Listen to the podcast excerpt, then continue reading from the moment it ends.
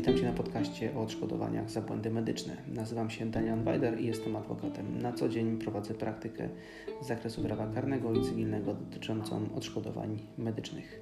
W dzisiejszym podcaście numer 5 opowiem Ci o tym, co powinno zawierać zawiadomienie o podejrzeniu popełnienia przestępstwa ze względu na błąd medyczny. Także zaczynamy.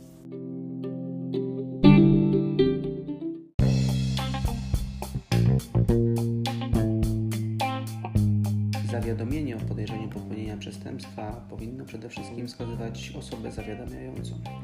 E, musisz zatem wskazać swoje dane, to jest imię i nazwisko oraz, oraz adres.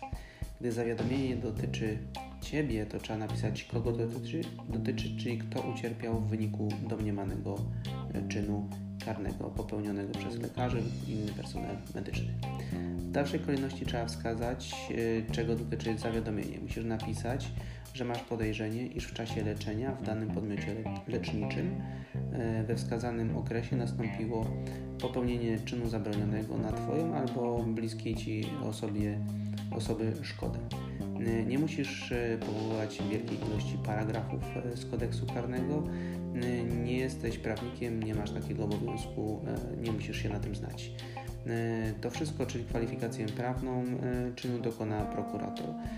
Dla Twojej informacji z reguły jest to kwalifikacja prawna z artykułu 160 e, paragraf 2 i 3 kodeksu karnego, czyli narażenie e, nieumyślne e, na ciężki uszczerbek na zdrowiu lub też utratę życia. Potem musisz w uzasadnieniu wskazać, e, co się wydarzyło w czasie leczenia i w czym upatrujesz popełnienie błędu przez lekarza lub inny personel medyczny. Uzasadnienie nie musi być długie i nie musisz wdawać się w bardzo głęboko w szczegóły. Trzeba podać tylko podstawowe fakty, żeby prokurator prowadzący sprawę wiedział o co chodzi w czasie Twojego przesłuchania. Na koniec oczywiście musisz się e, podpisać, no ale to nie wszystko.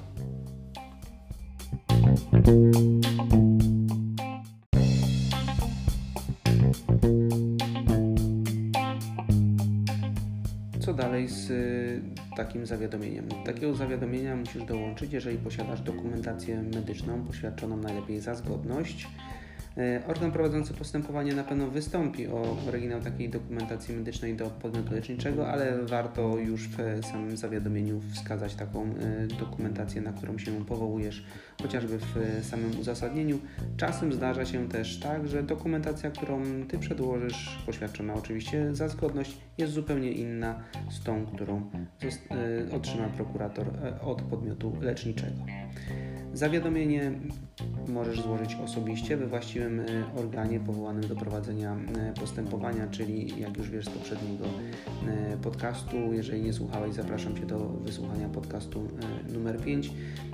Jest to prokuratura regionalna lub też prokuratura okręgowa.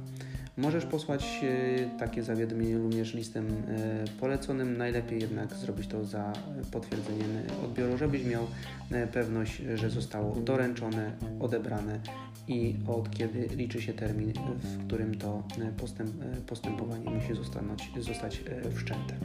Jeżeli złożyłeś już takie zawiadomienie, no to czekaj na wezwanie na przesłuchanie w charakterze zawiadamiającego o podejrzeniu popełnienia przestępstwa i ewentualnie pokrzywdzonego, jeśli na Twoją szkodę lub szkodę e, osoby e, Twojej bliskiej, która niestety zmarła, e, ta szkoda została popełniona przez lekarzy lub też personel medyczny. Na dzisiaj to tyle.